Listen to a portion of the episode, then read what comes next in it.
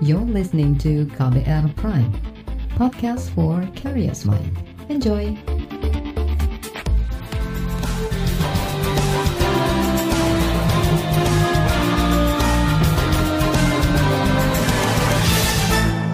Halo saudara, senang sekali kami bisa menyapa Anda kembali dalam program KBR Sore, edisi Kamis 12 November 2020. Saya Sindu Darmawan, kembali menemani Anda selama kurang lebih 30 menit ke depan. Sore ini kita mengangkat tema mengenai kurangnya kepedulian pemerintah daerah dalam membentuk unit pelayanan perlindungan perempuan dan anak. Kementerian Pemberdayaan Perlindungan Perempuan dan Anak, Kementerian PPPA, menyebut masih sangat sedikit daerah yang sudah membentuk unit pelaksana teknis daerah perlindungan perempuan dan anak UPTD PPA. Bagaimana dampaknya terhadap penyelesaian kasus-kasus kekerasan terhadap perempuan dan anak? Saudara, berdasarkan survei dari Kementerian Pemberdayaan Perempuan dan Perlindungan Anak (PPPA) sejak 2016 hingga 2018, kekerasan terhadap perempuan dan anak terus meningkat. Survei juga menyimpulkan, satu dari tiga perempuan pernah mengalami kekerasan dalam hidupnya. Kebanyakan kasusnya adalah kekerasan dalam rumah tangga (KDRT). Menteri PPPA I Gusti Bintang Puspayoga mengatakan, saat ini kekerasan terhadap perempuan dan anak semakin bertambah rumit seiring berjalannya waktu dan perkembangan teknologi. Sebab, kekerasan kini bukan hanya fisik saja, tapi juga kekerasan secara verbal dan daring. Kementerian PPPA mendorong agar pemerintah daerah segera membentuk unit pelaksana teknis daerah perlindungan perempuan dan anak UPTD PPA. Karena daerah yang sudah membentuk unit-unit teknis ini masih sangat sedikit, baru 17 persen. Undang-Undang Nomor 23 Tahun 2014 tentang pemerintah daerah memandatkan adanya pembagian kewenangan terkait penyelenggaraan urusan pemberdayaan perempuan dan perlindungan anak mulai dari pusat, provinsi, dan kabupaten kota ada dua sub urusan, yakni perlindungan hak perempuan dan perlindungan khusus anak yang memiliki kewenangan layanan yang harus dipastikan pelaksanaannya mulai dari pusat, provinsi, demikian juga sampai dengan kabupaten kota. Hal ini sejalan dengan penambahan fungsi Kementerian Pemberdayaan Perempuan dan Pelindungan Anak sebagaimana tercantum dalam Peraturan Presiden Nomor 65 Tahun 2020 tentang Kementerian Pemberdayaan Perempuan dan Perlindungan Anak khususnya pada pasal 3 poin D, yakni penyediaan layanan rujukan akhir bagi perempuan korban kekerasan yang memerlukan koordinasi tingkat nasional, lintas provinsi dan internasional, demikian juga penyediaan layanan bagi anak yang memerlukan perlindungan khusus yang memerlukan koordinasi tingkat nasional dan internasional. Terkait dengan sistem rujukan yang akan berjalan, salah satu mandat pelaksanaan undang-undang tentang pemerintahan daerah adalah pembentukan unit layanan perlindungan perempuan dan anak sebagaimana yang tertuang di dalam Peraturan Menteri Pemberdayaan Perempuan dan Perlindungan Anak nomor 4 tahun 2018 tentang pedoman pembentukan unit pelaksanaan teknis daerah perlindungan perempuan dan anak atau UPTD PPA. Saat ini UPTD PPA baru terbentuk di 28 provinsi dan 81 kabupaten kota. Kalau kita presentasekan pembentukan UPTD di eh, kabupaten kota ini baru 17 persen, sangat kecil dari apa yang kita harapkan. Menteri Pemberdayaan Perempuan dan Perlindungan Anak, I Gusti Bintang Puspayoga juga mengingatkan keberadaan unit teknis pelayanan perlindungan perempuan dan anak sangat dibutuhkan mulai dari tingkat provinsi sampai kabupaten kota. Sementara itu, Kementerian Dalam Negeri mengingatkan pembentukan unit daerah untuk perlindungan perempuan dan anak atau UPTD PPA sangat penting. Hanya saja, terkait besar kecilnya anggaran yang disediakan harus diputuskan berdasarkan pemetaan beban kerja. Berikut keterangan Direktur Sinkronisasi Urusan Pemerintah Daerah SUPD Kementerian Dalam Negeri, Zanariah. Bahwa di Kemen PPPA atau urusan PPPA ini lebih banyak beban kerjanya karena banyaknya isu untuk perempuan dan anak sehingga memang dibutuhkan UPTD dan pemetaan berikutnya terkait dengan anggaran jadi juga. Nah kalau beban kerjanya dikit apa anggarannya harus banyak. Nah itu yang memang harus kita uh, fair untuk melakukan itu. Jadi Bapak Ibu di daerah bisa melakukan pemetaan sendiri beban kerja saya dengan kelembagaan yang ada cukup enggak Kedua, dengan beban kerja yang ada, apakah anggaran kami cukup? Itu, itu untuk menjelaskan bagaimana mendorong. Sementara kami sudah mendorong yaitu bahwa kami sudah mengeluarkan surat edaran setelah memang Permen PPPA nomor 4 tahun 2018 tentang pedoman pembentukan UPTD, baru kami keluarkan surat edaran Menteri Dalam Negeri dengan dua surat pada tanggal 10 Maret 2020 untuk persetujuan pembentukan kelembagaan UPTD PPA. Nah, sekali lagi, apakah dengan isu beban kerja di masing-masing daerah harus memang bentuk UPTD semua? Jadi tidak semua daerah itu mampu nantinya kalau membentuk UPTD ini anggarannya cukup atau enggak, SDM-nya ada apa enggak. Itu tadi Direktur Sinkronisasi Urusan Pemerintah Daerah SUPD Kementerian Dalam Negeri Zanaria.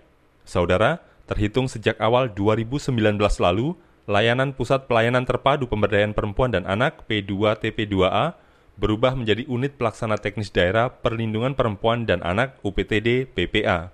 Menteri Dalam Negeri Tito Karnavian bahkan sempat memberi tenggat waktu tiga bulan kepada seluruh pemerintah daerah agar membentuk unit perlindungan perempuan dan anak. Hasilnya, imbauan mendagri itu masih disepelekan. Di bagian berikut seksual mencari keadilan. Laporannya akan hadir usai jeda, tetaplah di KBR sore. You're listening to KBR Pride, podcast for curious mind. Enjoy.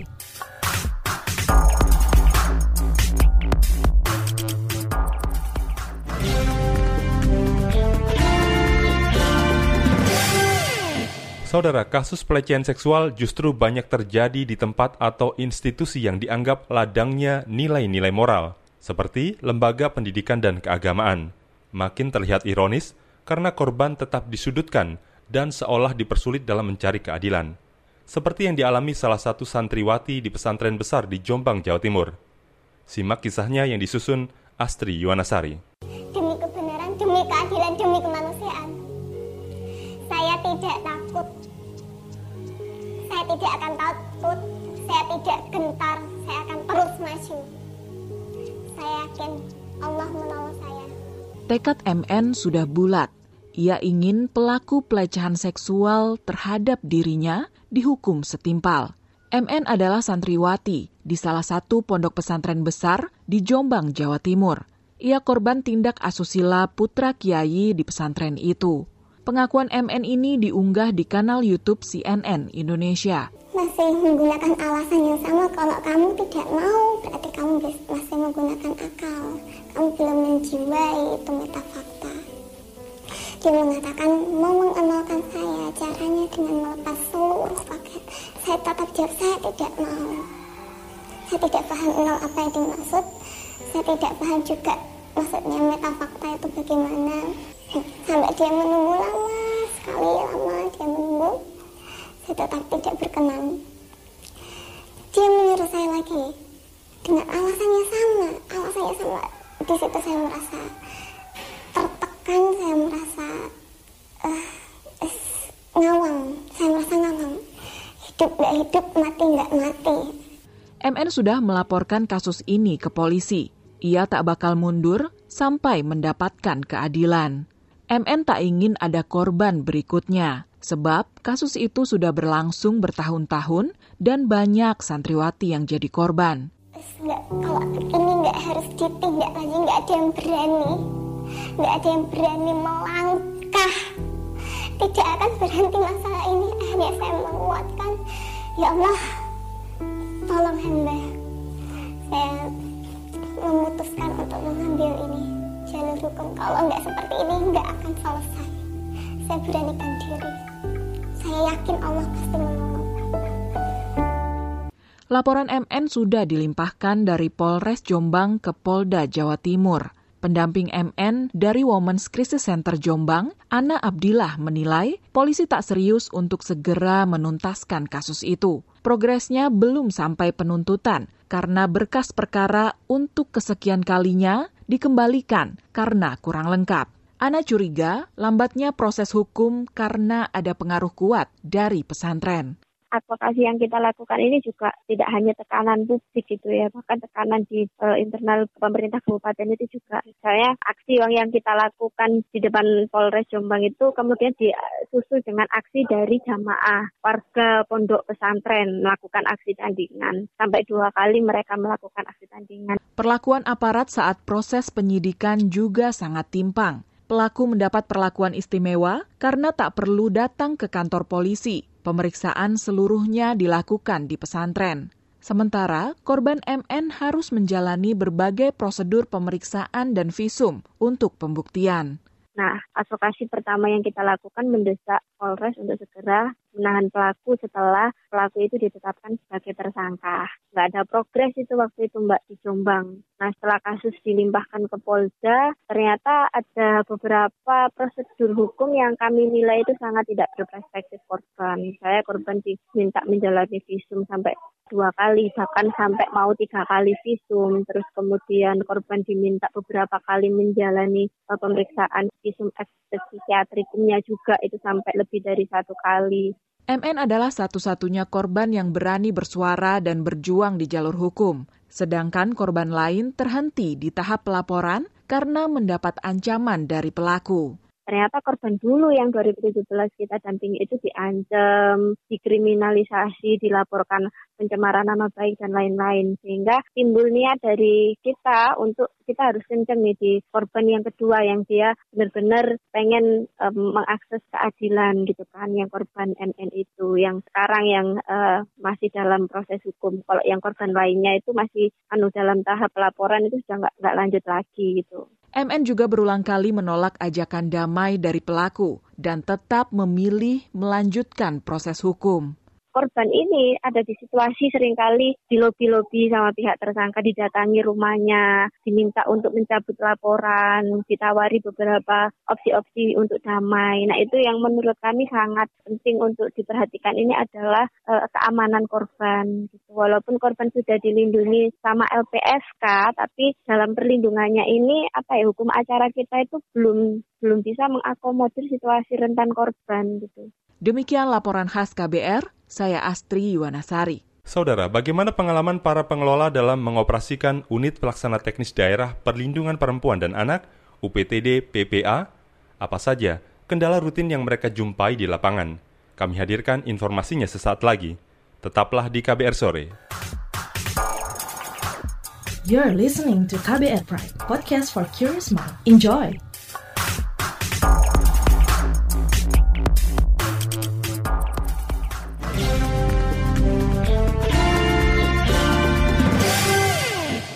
Terima kasih Anda masih bersama kami di KBR Sore. Saudara, pembentukan UPTD Perlindungan Perempuan dan Anak UPTD PPA di setiap daerah masih tergantung pada pemahaman dan komitmen Pemda masing-masing dalam melindungi perempuan dan anak korban kekerasan. Kepala UPTD Perlindungan Perempuan dan Anak Kota Surakarta, Jawa Tengah, Siti Daryatini mengatakan, banyak Pemda yang belum memahami bahwa SDM yang mengupayakan pemberdayaan perlindungan perempuan dan anak perlu fokus dalam setiap menangani kasus atau permasalahan. Berikut wawancara jurnalis KBR Siti Sadida Hafsyah dengan Kepala UPTD PPA Surakarta, Siti Daryatini. Jumlah UPTD PPPA yang masih sedikit se-Indonesia gitu Bu.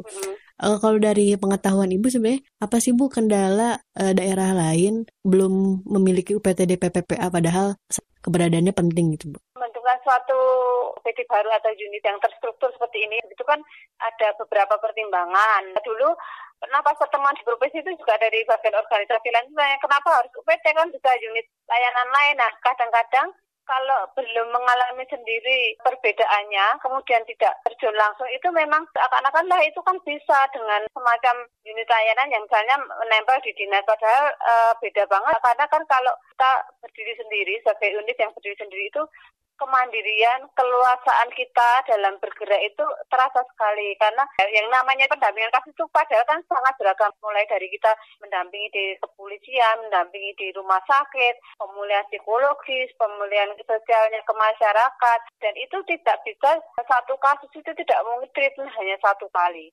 pasti sampai berkali-kali. Nah itu yang kadang orang di luar yang berkecimpung di pendampingan kasus perempuan dan anak itu tidak melihat itu. Untuk penanganannya sendiri, Bu, kasus apa aja sih Bu yang di, di Surakarta yang eh, banyak terjadi yang memprihatinkan begitu Bu? Selama UPT berdiri ya, saya bicara selama UPT berdiri saja karena uh, yang saya uh, sangat pahami adalah itu tahun 2017 tren tertinggi itu adalah kasus kekerasan terhadap anak. Kemudian tahun 2018 masih kekerasan terhadap anak. Tahun 2019 juga masih uh, kekerasan, kekerasan terhadap anak, utamanya seksual. Tapi tahun 2020 ini trennya berubah, Mbak. KDRT yang paling banyak. Mungkin karena ada pandemi ini menimbulkan stres tersendiri bagi para keluarga ya, sehingga malah uh, yang booming tahun ini adalah KDRT. Kan kita bersinergi dengan bidang yang selalu memberikan sosialisasi dan edukasi ke masyarakat bahwa kasus uh, eh, KDRT, kasus kekerasan terhadap perempuan dan anak itu harus dilaporkan.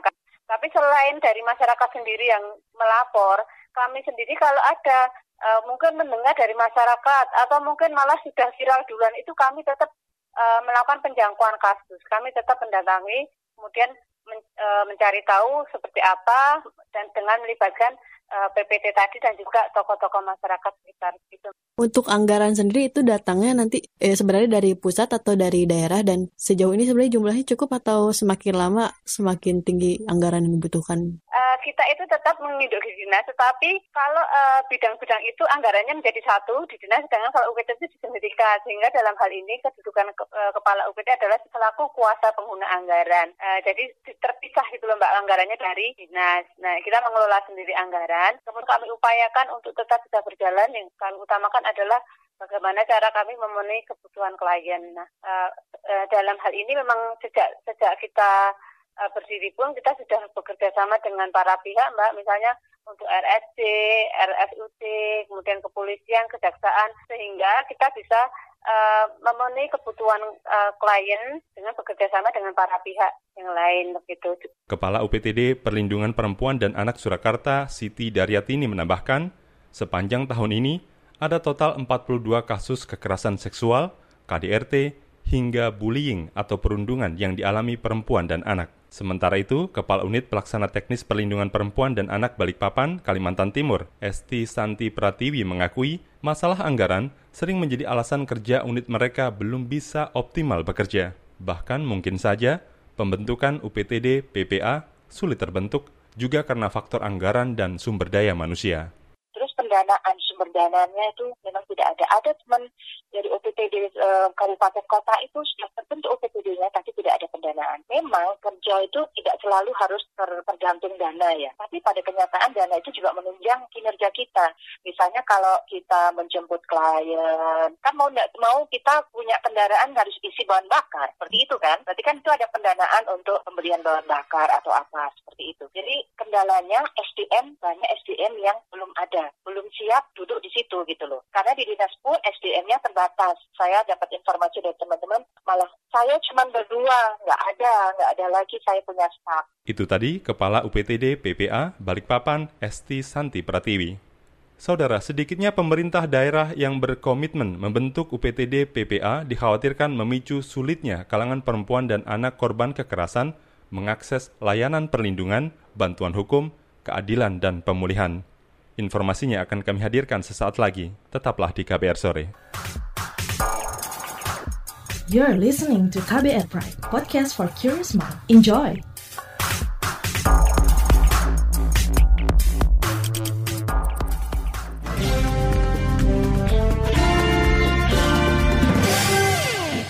Anda masih mendengarkan KBR Sore. Saudara, Komisi Nasional Anti Kekerasan Terhadap Perempuan atau Komnas Perempuan menilai UPTD PPA yang saat ini baru berjumlah 17 persen dari total daerah di Indonesia belum ideal untuk memberikan perlindungan bagi perempuan dan anak korban kekerasan. Komisioner Komnas Perempuan Teresia Sri Endras Iswarini mendesak Kementerian PPPA, Kementerian Dalam Negeri, pemerintah daerah, dan kalangan penegak hukum berkomitmen memprioritaskan perlindungan perempuan dan anak sebagai wujud kemanusiaan. Berikut kita simak wawancara jurnalis KBR Mutia Kusumawardani dengan Komisioner Komnas Perempuan Teresia Sri Endras Iswarini.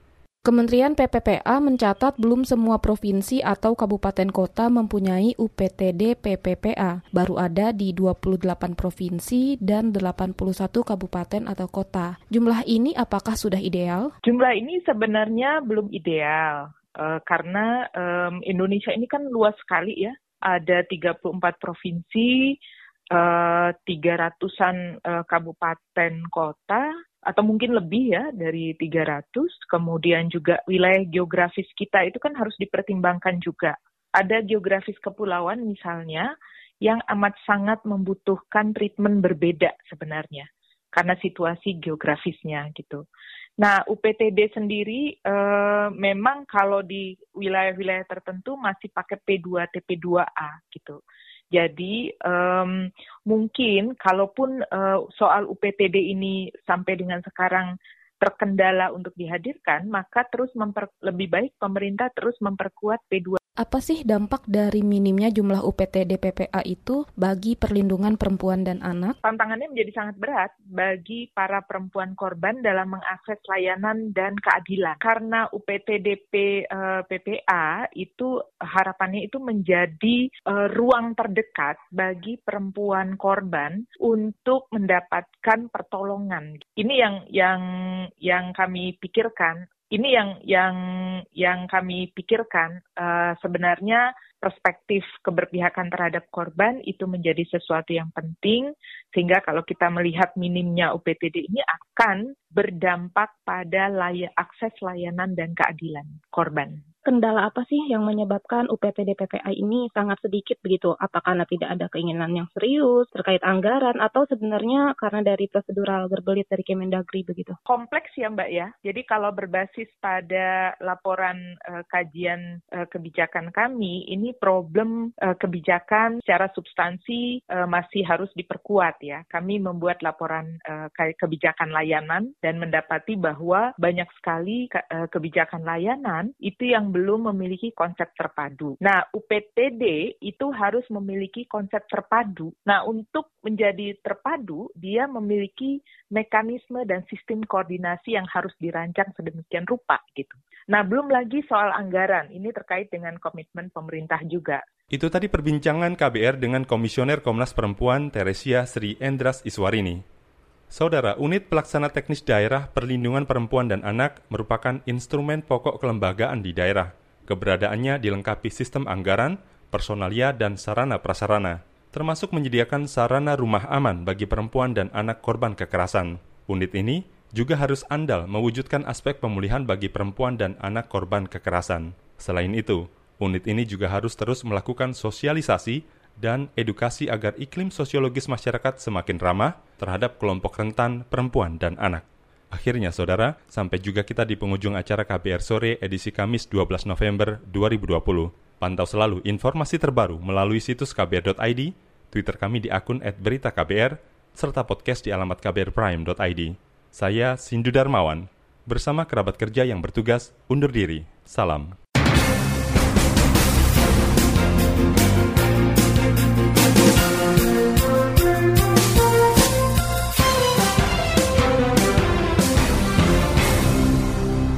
KBR Prime, cara asik mendengar berita.